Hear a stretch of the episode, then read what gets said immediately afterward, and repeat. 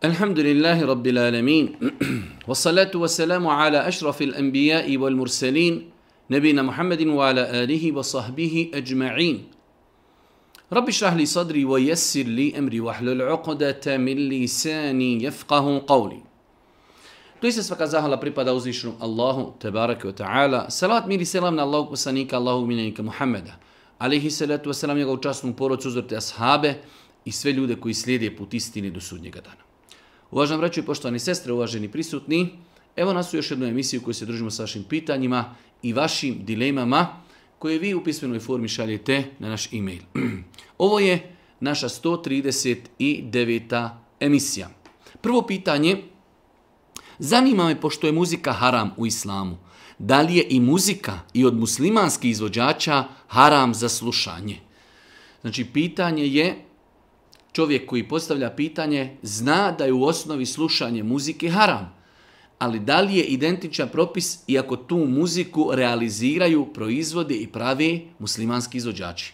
Definitivno, bez obzira ko realizirao muziku, ko bio izvođač muzike, ako je muzika nastala kao plod korištenja muzičkih instrumenata, po stavu četiri pravne škole, muzika je u islamu zabranjena. Čak šta više, u datom momentu možda bi mogli kazati i da je ovo pitanje još teže onda kada dolazi od muslimana koji bi prvenstveno trebao da zna da je to zabranjeno i da je to znači eh, s aspekta islamskih propisa, nešto što je zabranjeno, pa slušati muslimanske izvođače po mom nekom skromnom mišljenju može samo biti na nekom težim stepenu nego slušati nevjernike, a u svakom slučaju rekli smo muzika kao muzika bez obzira koji realizira i koje proizvodi je zabranjena u islamu.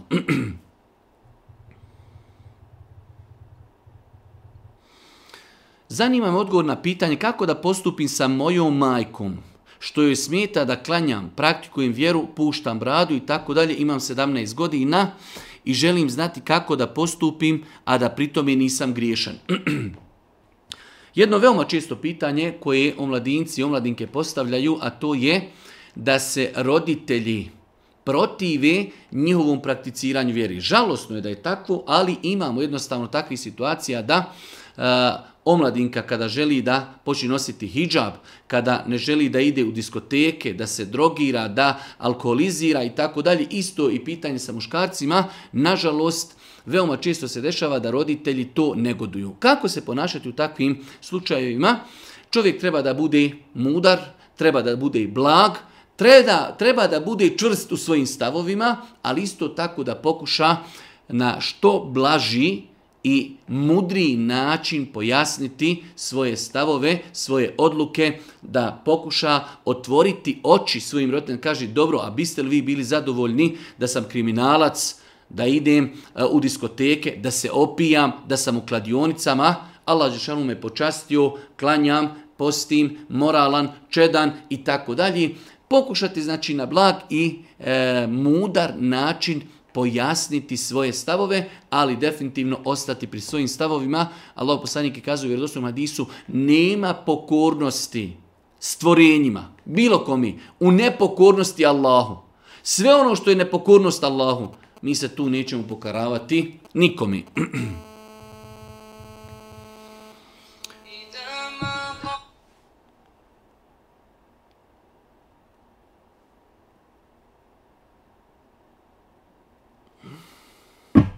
Treće pitanje, eselamu alaikum, Allah da vas poživi u zdravlju i tako dalje. Vjerujem da do sada nije postavljeno ovako pitanje kakav je način pranja, kupanja pri intimnom odnosu kada je povreda noge potkoljenica na koju je stavljen gips i tako dalje. Više puta smo mi odgovarali na ovakva pitanja, znači kako uzeti gusul ili abdest ako se na tijelu nalazi zavoj, ako se nalazi gips, langeta ili nešto što spriječava dolazak vode do tijela, a mi to ne možemo uklonuti.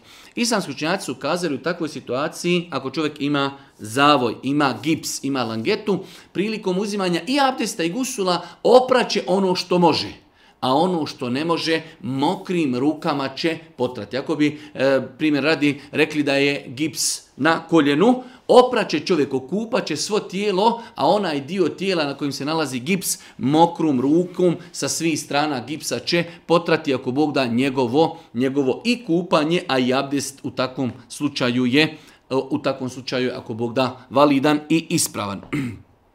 Četvrto pitanje, da li je istina da žene međusobno ne mogu učestitati Bajram kod kući jedne drugima dok ne dođu muškarci sa bajram namaza, jer navodno muškarci donose bajram u kuću. Takav je stav u muževom selu. Čekamo muškarce na vratima dok dođu, postimo, a onda čestitamo Bajram i prekidamo post. E, dva su pitanja, znači da li žene mogu jedne drugima u kući čestitati Bajram na dan Bajrama prije nego što muškarci dođu sa Bajrama, apsolutno da. Znači ne postoji nikakvo ograničenje da e, žene ne smiju međusobno jedne drugima čestitati Bajram sve dok se muškarci ne vrati, ne vrati sa Bajrama. Muškarci iz Bajrama znaju završi Bajram pa se oni međusobno čestitaju pa odu na kahvu. Znači nekada oni sa Bajrama i 2-3 sata kasni. E, zbog čega bi onda uskratili ženama mogućnost da one međusobno jedne drugima čestitaju Bajram? Čak dio učenjaka je bio tolerantan pa je smatrao da se u osnovi Bajram može od samog nastupanja noći Bajrama da se od te noći već može čestitati Bajram. Tako da ograničavati čestitanje Bajrama do povratka muškaraca iz džamije, e, znači nema nikakvo utemeljenje. S druge strane, ovdje je spomenuto pitanje posta. Da se posti dok muškarci dođu iz džamije, to također nije utemeljeno. E, ono što je utemeljeno to da je Boži poslanik, ali se sam prakticirao kada bi bio Ramazanski Bajram. Zato što se postilo, prije što bi krenuo na Bajram, nešto bi pojeo, nekoliko datula. A kada je u pitanju kurbanski Bajram, tada osoba, vlasnik kurbana, samo on, ne članovi poroci, njemu je pohvalno i lijepo, nije obaveza, pohvalno i lijepo da ode na Bajram, da se vrati, zakolje svoj kurban i prvu hranu koju taj dan pojede jeste meso njegovog kurbana. Znači ovaj propis se vezuje samo za vlasnika kurbana, samo za vlasnika i to je pohvalan čin nije obaveza. Znači kada je u pitanju kurbanski bajram, lijepo i pohvalno da ljudi koji imaju svoje kurbane, vlasnici kurbana, ništa ne jedu prilikom odlaska na bajram i vrate se, odu zakolju svoj kurban i znači prvu hranu koju pojedu da to bude znači meso njegovog kurbana, ali taj se propis eksplicitno vežduje samo za vlasnika kurbana, a ne za ostale članove njegovog, njegovog znači okruženja i njegove poruci. Esselam alaikum, imam jedno pitanje. Na Mevlud kod nas u Njemačkoj nose dlaku od poslanika. Idu do svakog da poljubi dlaku i da se njome potari po tijelu. Da li je to dozvoljeno u islamu? Postoji mnogo, ali baš mnogo mjesta u svijetu, u Afganistanu, u Pakistanu, u Bosni, u Turskoj, u Njemačkoj, eh, na kojima postoje dlake koji se pripisuju Božijem poslaniku alihi salatu wasalam. Lično sam stava da e, prva stvar nemoguće je dokazati nemoguće je dokazati autentičnost toga da je ta dlaka baš dlaka Božijeg poslanika alihi salatu Selam, To je nemoguće. Nakon 1600 godina dokazati da je to dlaka Božijeg poslanika to je apsolutno nemoguće. Samim time organizirati e, ljubljenje dlake, e, trljanje svog tijela tom dlakom, Allah najbolje zna, je neispravan postupak kojeg treba izbjegavati. Zbog toga da je to za vrijeme života Božih poslanika, ali se letu sram, to bi bilo nešto drugo. Ali, znači, 1600 godina od smrti Božih poslanika, ali se letu selam e, i ti dlaka sada imate po Afganistanu, po Indiji, po Turskoj, po Bosni, po Njemačkoj, znači nemoguće je dokazati i potvrditi autentičnost toga, stoga to nije propisano.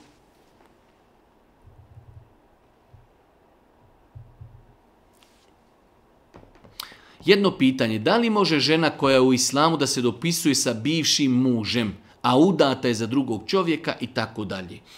U svakom slučaju, e, žene koje imaju već jedan brak, pa su se prije, nakon toga udale za drugog čovjeka, u osnovi taj njen prvi muž je njoj kao i svi drugi ljudi na ulici. Haram. Čak šta više, zbog njihove prošlosti, zbog njihove intime, zbog njihovog kontakta, zbog njihovih e, međusobnih poznavanja, žene se trebaju dodatno čuvati kontakta sa čovjekom iz prvog braka.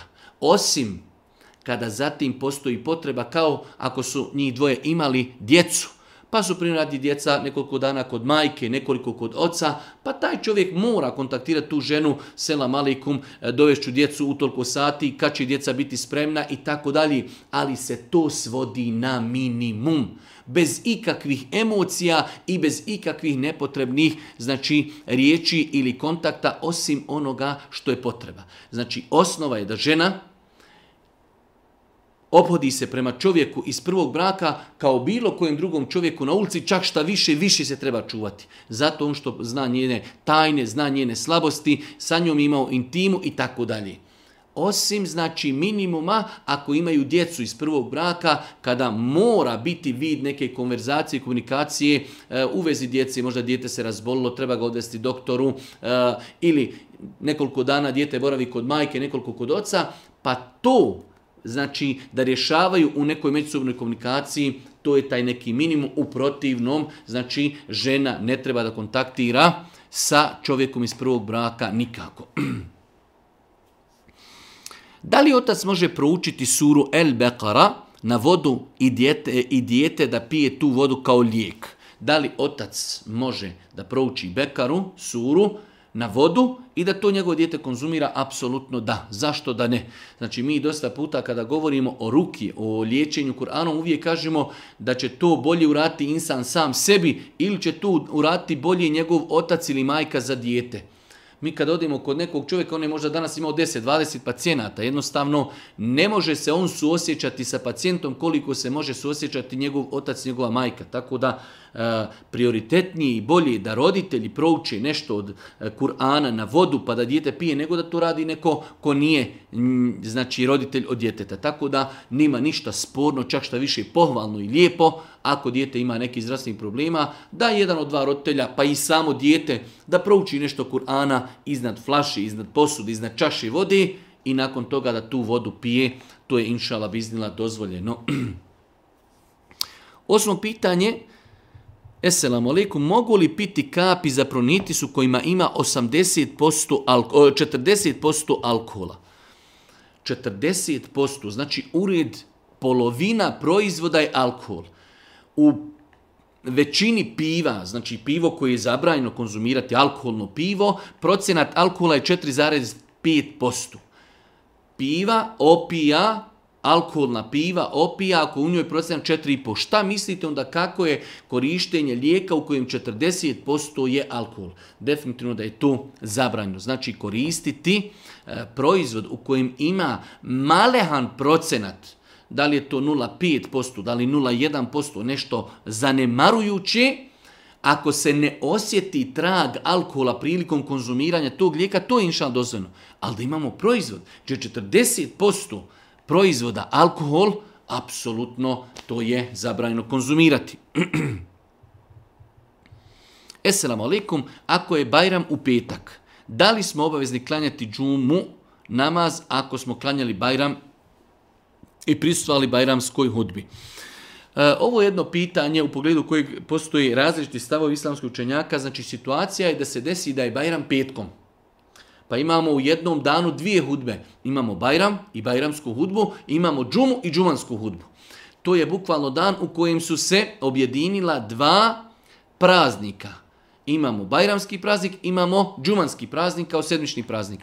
Došlo u vjerodostojnom hadisu da Allah poslanik ali kazao ovo je dan u kojem su se spojila dva praznika. Pa ko želi, ovaj dolazak mu je dovoljan i za džumu. Na Bajramu je Boži poslanik kazao ovo je dan Bajram, u kojem su se spojila dva praznika, praznik Bajrama i praznik Džume. Pa kaže Allah poslanik Alisa, onaj ko želi ovaj dolazak na Bajram, dovoljan mu je i za Džumu a mi ćemo doći na džumu. Kad za sebe Boži poslanik kaže kao neko ko predvodi ljude u namazu, on kaže ja ću doći na džumu, ali ko hoće, dolazak na Bajramu je dovoljno, ne mora dolaziti na džumu, dovoljno da klanja podne. Tako da, znači kada se potrefi i desi da uh, Bajram bude petkom, osobe koje su prisustvali na Bajramu nije im obaveza prisustuju na džumi.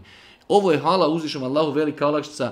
Ljudi na Bajram mnogo putuju, idu, posjećuju svoju rodbinu i obavezivati da moraju pristati džumi jedan vid po Bili su, alhamdulillah, i zajutra na Bajramskoj hudbi i mogu posle Bajrama ići, znači putovati, e, klati kurbane, posjećivati rodbinu i tako dalje. tako da, kada se desi da je Bajram petkom, osobe koje su došle na Bajram, nije im obaveza da prisustvuju džumi namazu. Moje pitanje je, da li je moj sin koji ima 12 punih godina meni mahrem što se tiče putovanja? Putovanja su većinom vezana za izlete. Napomena nema muža i e, nema muža i babu. Tako da mi je sin jedina opcija kao mahrem. znači jedna naša sestra pita, da li njeno dijete može da joj bude mahrem prilikom putovanja, a dijete tek ima 12 godina. Ona nema drugog mahrema, nema znači ni muža, nema ni oca.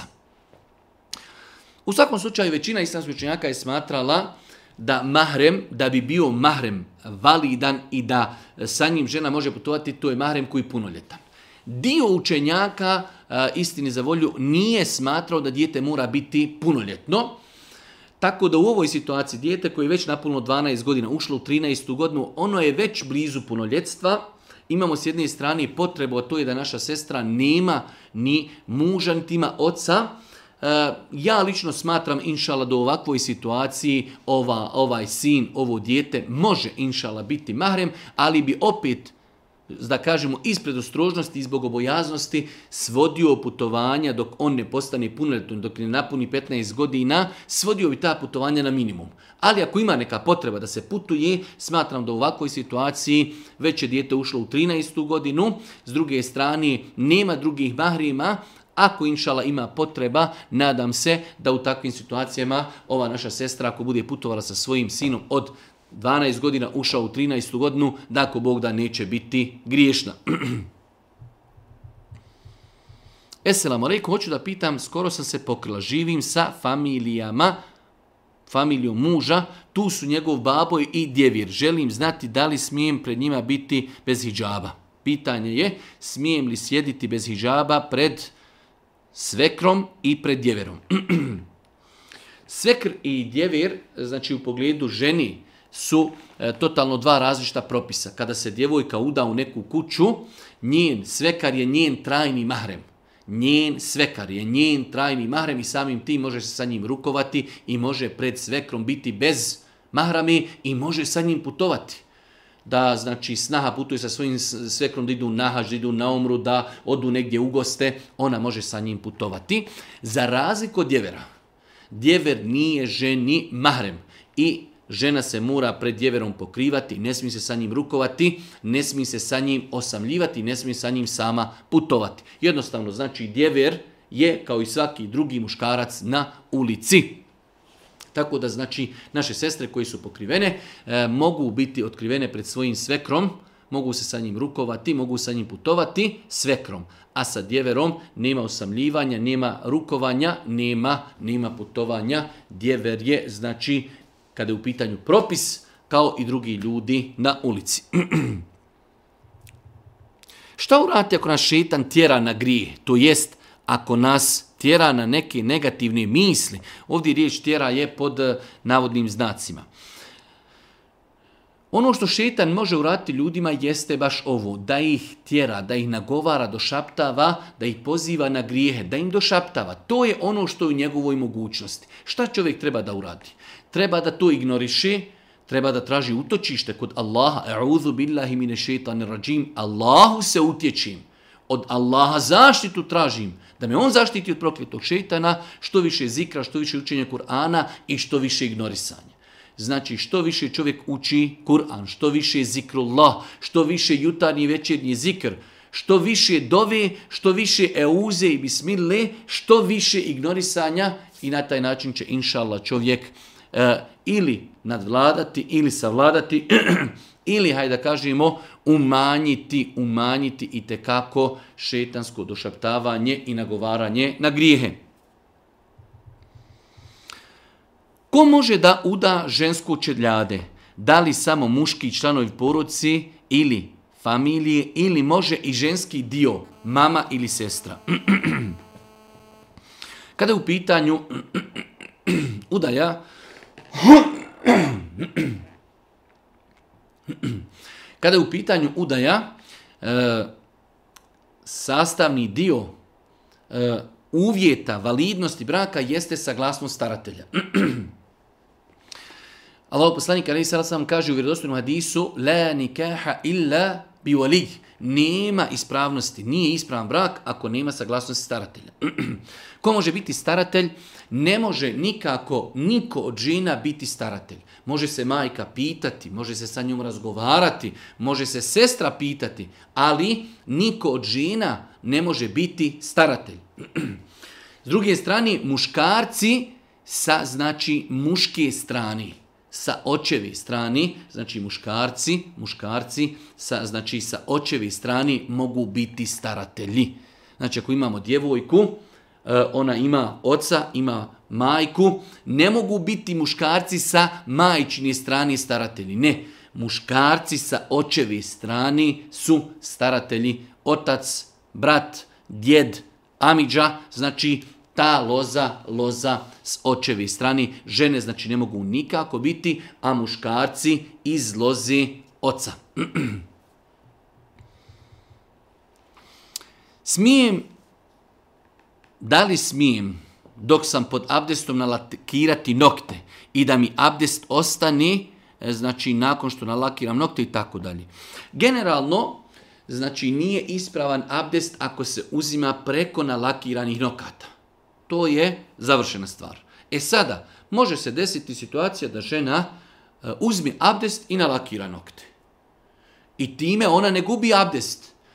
I sve do narednog abdesta ona može biti pod, znači može koristiti lak. Ali kada izgubi abdest i tjedni klanjati sljedeći namaz, ona mora lak ukloniti. Ako joj to nešto znači, taj period u datom momentu može doći joj neke sestre, gosti, prijatelji, klanjala je podni namaz, Pa, znači, do ikindije, ako želi da stavi lak, e, znači korištenje tog laka ne kvari abdest. Ali kada izgubi abdest i kada tjednije ponovo abdestiti, ona mora, mora sklonuti, mora sklonuti znači lak sa nokata. Znači, nije ispravan abdest preko nalakiranih nokata. Ali isto tako, ako žena uzme abdest ispravno i nakon toga nalakira nokte, to ne kvari abdest. Ona ima abdest, kada izgubi abdest, Znači, do narednog namaza može biti, mogu biti nokti lakiran kada tjedne ponovo abdestiti, mora ponovo skinuti lak. 15.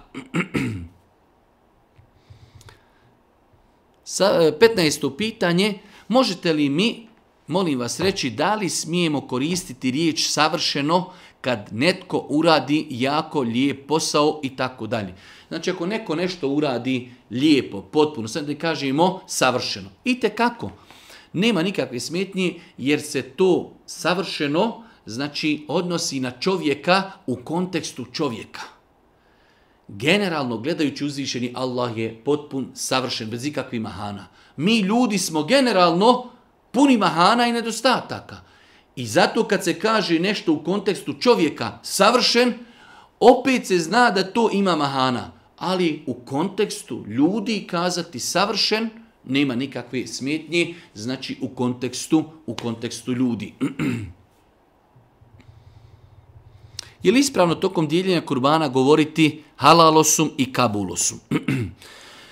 To je jedan običaj na našem podneblju da kada ljudi dijele kurbane, onaj ko donosi kurban kaže halalo kao ja vama halalim ovo što sam dao, a ljudi koji primaju kurban kabulo kao dova molimo Allaha da vam to ukabuli. Ne vidim ništa sporno u tome, to je običaj eh, u kojem nema ništa sporno, znači to je običaj.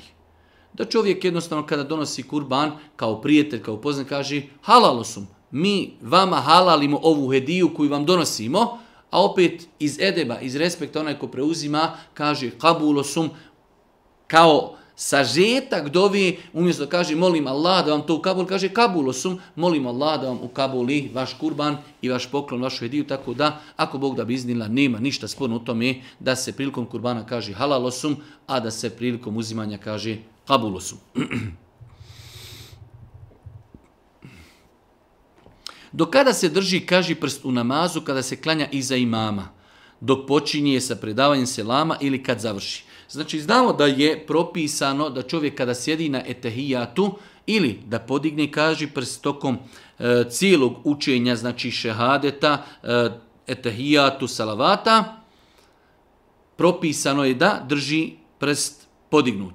Dio učenjaka je smatrao da se tokom cijelog učenja tešehuda i salavata mičije prst. E sada je pitanje kada prekidamo e, znači išaret ili micanje prsta u namazu. To pitanje nije definisano, niti je precizirano sunnetom Božih poslanika, tako da ga ne treba nešto mnogo ni, ni iskučivati, niti oko toga polemisati. Insan znači, e, nima smetnje da znači e, uči tešehud, uči salavate, uči dovu i tokom cijelog tog perioda da miče prstom. Znači kada Efendija počne predavati selam, ako insan još ima nešto učiti, on će učiti i micati prstom ili pokazujući ili znači dižući i spuštajući prst, inšala sve je to ispravno, nakon toga će preselamiti. Tako da ne treba nešto oko toga mnogo cijepidlačiti. U svađi sa suprugom sam joj rekao nekoliko puta da pakuje stvari i da ide iskući. Je li mi tine poništen brak? Islamski učenjaci kada govori o razvodu braka kazali su da postoje dvije vrste termina koji se koriste za razvod braka. Imamo direktne termine, jasne termine kada čovjek kaže ženi razvedena si, razvodim te, talaknuta si tada talak je, znači, se desio, bez obzira, makar čovjek to rekao i u šali. Imamo drugu kategoriju izraza i termina, to su indirektni termini koji sami po sebi u vanjštini ne znači razod. Kao u slučaju ovdje kada čovjek kaže idi svojima. Spakuj stvari, idi svojima. Kažu islamski učenjaci, kad su pitanje ovi termini, pitamo čovjeka koji je izrekao te termine šta je imao u nijetu. Ako čovjek kaže ne, ja sam bio ljut, ali sam želio da ona ode dva, tri dana da se malo odljutim, svakako da mi ostajemo u braku. Onda mi kažemo to nije bio razvod. Ali ako čovjek kaže ja ne znam kako se razvod realizira, ali želio sam da i razvodim, pa sam joj rekao idi svojima, u smislu razvedena si. Onda, bez obzira što je indirektno kazao, to je razvod braka. Znači, kada su u pitanju direktni i jasni termini, ako čovjek rekne svojoj supruzi razvedena si, razvodim te, talaknuo sam te, talak i razvod se je desio. Ako kaže nešto indirektno, kao u ovom slučaju, idi svojima, spakuj stvari, u takvim slučajima pitamo čovjeka šta je namiravao. Ako kaže namiravao sam razvod, onda je to i bio razvod. Ako kaže ne, nisam doista imao namjeru da je razvedem, želio sam samo da ode par dana, da se malo odljutimo, pa ćemo poslije nastaviti živjeti u takvoj situaciji da to nije razvod braka. Kakav je stav islama o bušenju ušiju bebe, djevojčici? u osnovi muslimansko tijelo ima svoju svetost i bilo kako, da kažem, unakažavanje i rezanje, diranje tijela je u osnovi zabranjeno. Ali postoje određeni izuzeci kao što je izuzetak, znači probijanja ušiju koji u osnovi prvo nije bolan.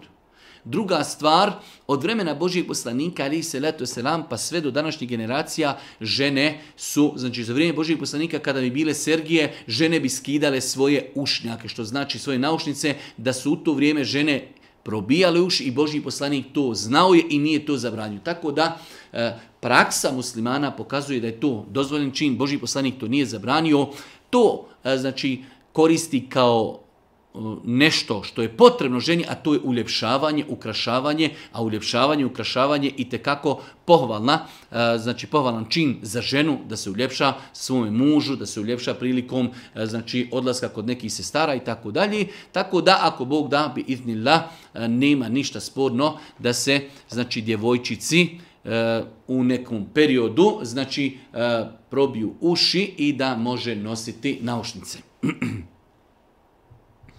20. pitanje, imam operaciju koljena. I da li mi je grijeh ako ne obavim namaz, jer ne mogu sama abdestiti i klanjati sjedići, Inače klanjam svaki vakat. E, nije dozvoljeno izostaviti namaz zato što će, zbog razlog, razlog mi je kao operacija. Insan koji treba da ima operaciju treba na vrijeme da se pripremi, da nauči propise. Znači osoba koja ima operaciju treba da pokuša sama abdest, Ako ne može da ju neko pomogni, ako nema niko da ju pomogni, uzet ćete jemum. prije toga će pripremiti sebi, da li u neku posudu će donijeti zemlji ili će donijeti sebi neki predmet napravljen od zemlje kao crijep, kao ciglu i rukama to dotaknuti, otresti ruke, potrati lice, potrati ruke i tako klanjati. Znači prva stvar, abdest moramo uzeti i pokušati sami. Ako ne možemo, nek nam neko pomogni. Ako nema niko da nam pomogni, uzet ćemo jemom i klanjat ćemo. To je kada je u pitanju čistoća, kada je u pitanju kakvoća namaza. Osoba koja je imala operaciju, znači klanjat će onako kako može. Ako ne može sjedići, klanjat će ležeći. Ako može sjedići onda je obavez da klanja sjedići, Ako može klanjati stojeći, klanjat će stojeći. Ako se može okrenuti prema kibli, okrenut će se prema kibli. Ako ne može, klanjat će na krevetu onako kako je krevet okrenut. Ali se namaz mora klanjati.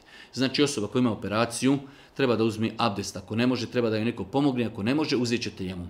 Kada je u pitanju kakvoća namaza, klanjat će onako kako može. Prvenstveno ako može, obaveza klanjati stojeći. Ako ne može, sjedići. Ako ne može, klanjat će ležići na krevetu. Ako može, okrenut će se prema kibli. Ako ne može, klanja će onako kako je krevet okrenut, ali nama se ne smije izostaviti. Selam alaikum, je li može pitanje onaj da li, da li je istina da se ne smije raditi hijjama srijedom, petkom i subotom? Da li je istina da se hijjama ne smije rati srijedom, petkom i subotom?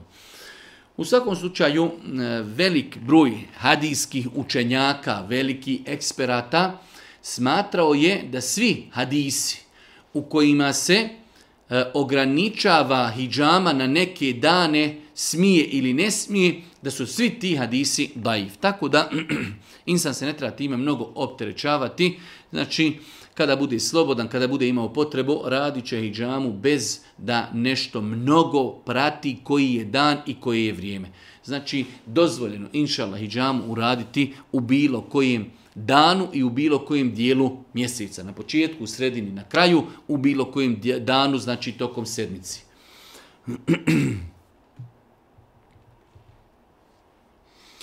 Imam pitanje vezano za objavljena slika na društvenim mrežama. Čula sam da žene ženi nije dozvoljeno objavljivanje slike njenog lica. Da li se ubraja i u to objavljivanje slika žena koji nosi nikab?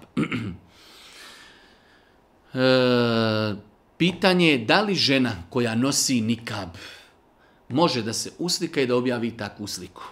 U svakom slučaju e, ne bi trebalo da bude išta sporno u tome da žena koja nosi nikab i onako i onako se ništa od njenog tijela ne vidi. Ona takva izlazi i na ulicu, vide je ljudi na ulici, tako da uz pomoć nije sporno da žena objavi sliku u kojoj je žena pokrivena totalno pod nikavom.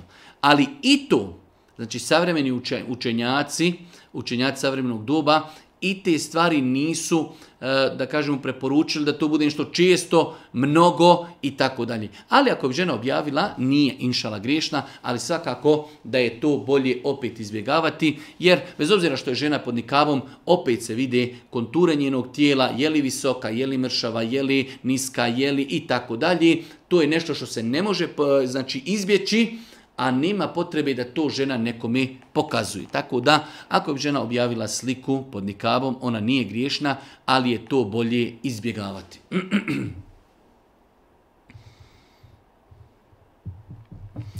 Htjela bi savjet nekog učenog da mi kaže da li spada u ružne postupke kada ne želim da se upoznam sa nekom osobom jer mi fizički se ne sviđa i tako dalje. Pitanje znači, jedna naša sestra pita.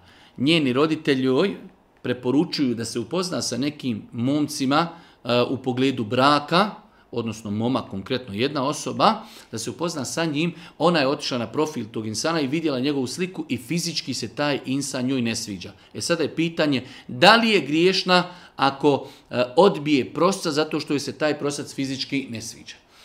Ja sam nekoliko puta govorio kada je u pitanju prosidba, upoznavanje djevojaka i E, mladića da čovjek može biti u jednoj od tri situacije kada je u pitanju fizički izgled.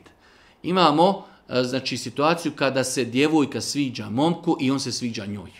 E, sada trebaju da vide još moralne dimenzije, vjerske i tako dalje. Imamo situaciju kada se djevojka čovjeku ne sviđa. Bukvalno on kaže, ova djevojka, tobe jarabi meni je ružna. I obrnuto, da djevojka kaže za omladinca, kaže ovaj čovjek se meni ne sviđa, jednostavno ružan mi je. U takvim slučajevima, Allah najbolje zna, ne treba znači e, stupati u brak sa takvom osobom, makar se potrefile određene osobine koje su prisutne e, i lijepe kod te osobi. Jer jednostavno to je stvar koja e, na duže staze kroz budućnost može biti razlogom e, i e, problema i može biti problem, e, razlogom vrijeđanja, problema, nepostojanja ljubavi, nepostojanja emocija i tako dalje. Imamo situaciju sredina kada ili djevojka ili moma kaže za drugog supružnika nije ni lijep, ali nije ni ružan. Neka sredina. Ja u takvim slučajima kažem, ako su sve ostale stvari lijepe, od morala, od porijekla, od, od vjere, od materijalnog stanja, ako sve to se ispunilo, a osoba nije nešto previše lijepa, ali nije ni ružna, u takvom slučaju nema smetnje da se stupi u brak. 24. pitanje duži baš pitanje, ali pitanje e, da se odgovori da li tisovina. Znači recite mi sve vezano za drvo tisa. Ja lično ne vjerujem i tako da me štiti, ali moja nana kaže da je imala slučajeve i tako, onako. Uglavnom jedno duže pitanje, da li znači nošenje tisovine kao vid hamajlije štiti i čuva insana? Apsolutno ne ne postoji nikakav dokaz, ni daif, ni apokrifan, ni, ni, ni sahih, koji ukazuje na svetost i ljekovitost i blagoslov drva tisi, drveta tisi. Tako da bilo kakvo vješanje tisovini na čovjeka s uvjerenjem da to nešto donosi sreću, da čuva od zla, da donosi i tako dalje, sve je to strogo zabranjeno strogo haram, zabran da čovjek na sebe vješa bilo kakve hamajlije, bez obzira bile one od tisovine ili ne, kačenje i vješanje na sebe bilo kakvih hamajlija je strogo zabranjeno.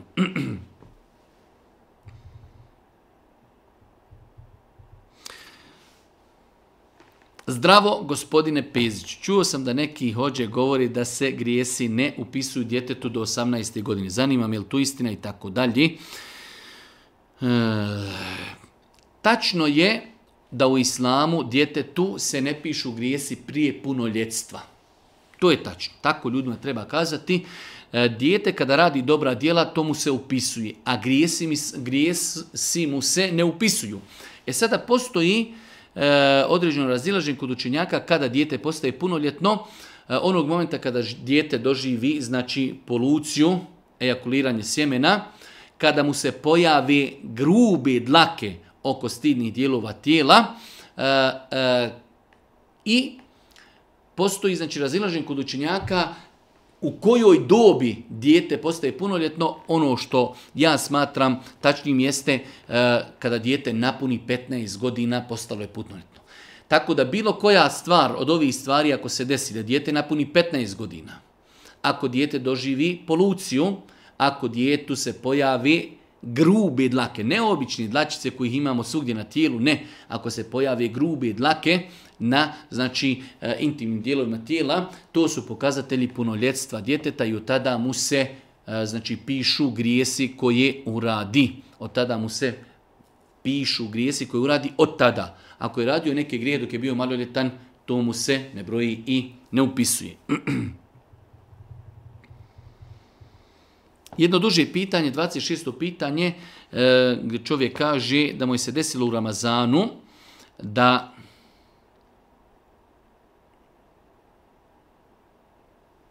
gledao je neprimjeran sadržaj i kao plod toga desila mu je se ejakulacija.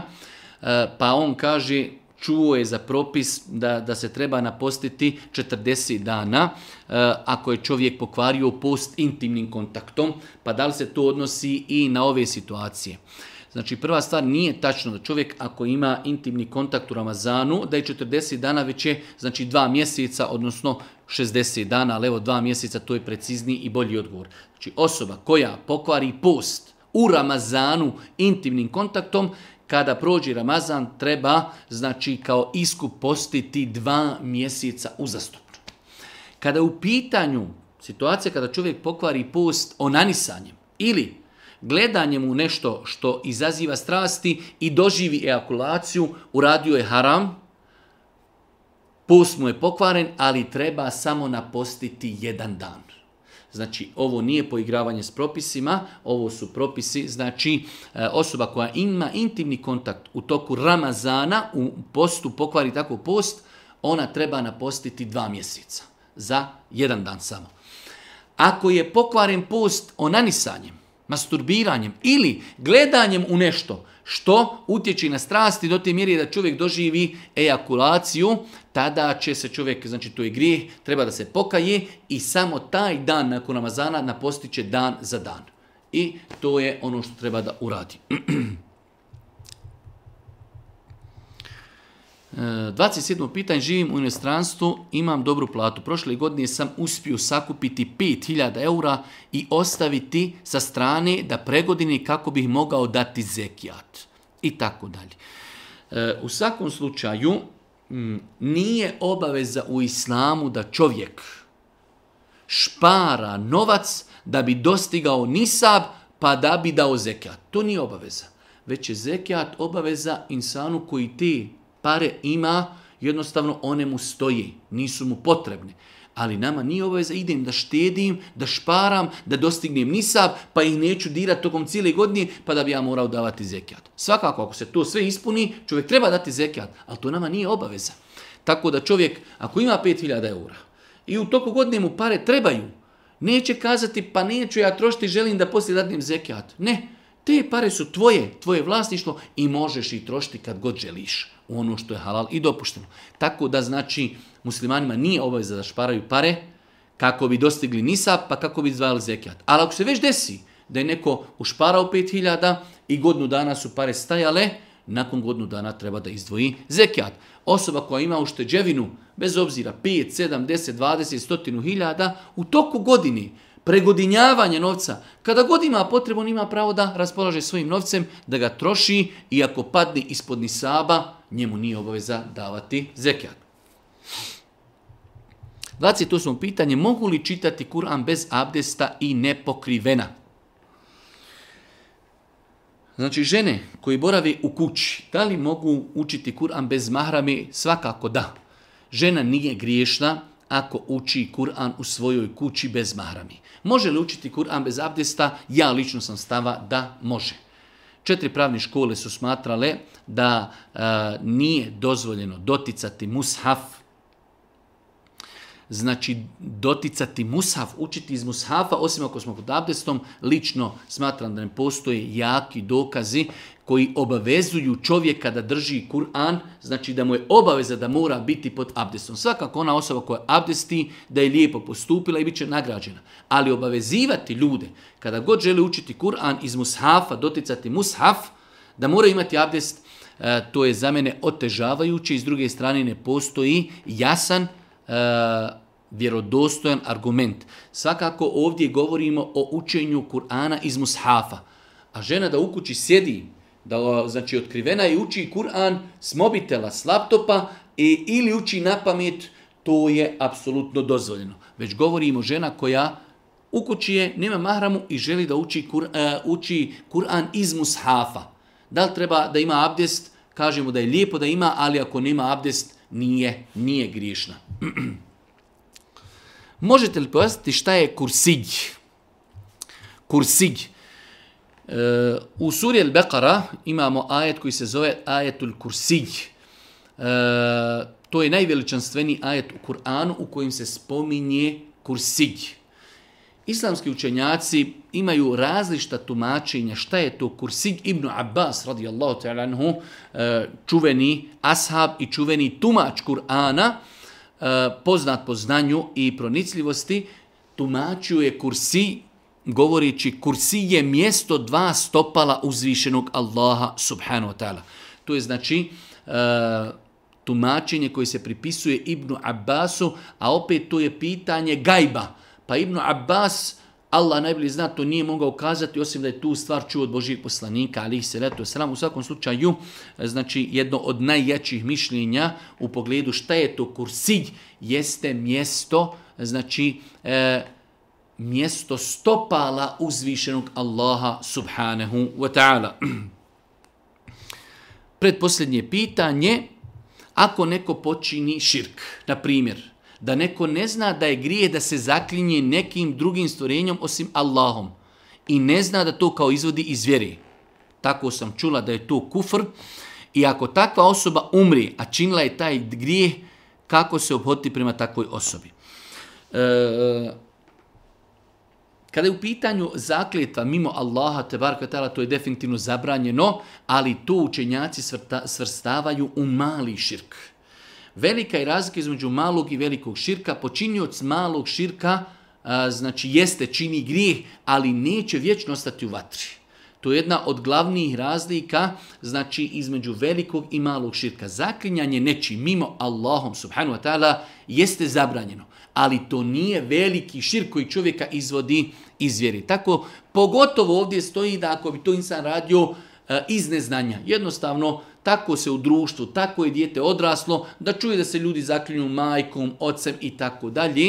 E, prva stvar, što je to iz neznanja, a druga stvar, i kad bi to, ne daj Bože, uradio, znači i svjesno, to nije opet veliki širk, to je, to je mali širk.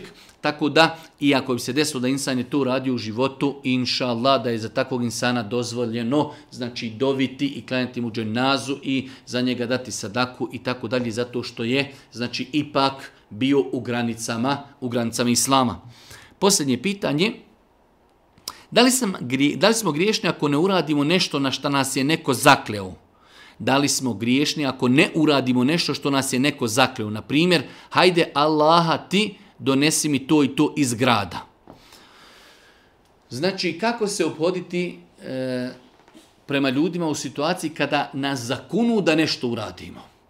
Imamo više vjerodostojnih hadisa u kojima Allah poslanik naredio i preporučio da se ispuni ljudima ono što od nas traži u zakljetvi.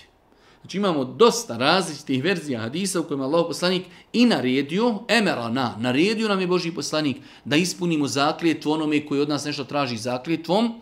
Imamo i drugi hadisa gdje se e, preporučuje da se ispuni ljudima ono što od nas traži zakljetvom. E, Džumhur islamskih učenjaka smatrao je da se to, znači da iz ovih naredi proizilazi pohvalnost što znači, kada neko dođe i zakune nas, kaže Allaha ti da mi to uradi i tako nadalje, ako to što traži od nas je halal i ako mi možemo to uraditi, trebamo to uraditi.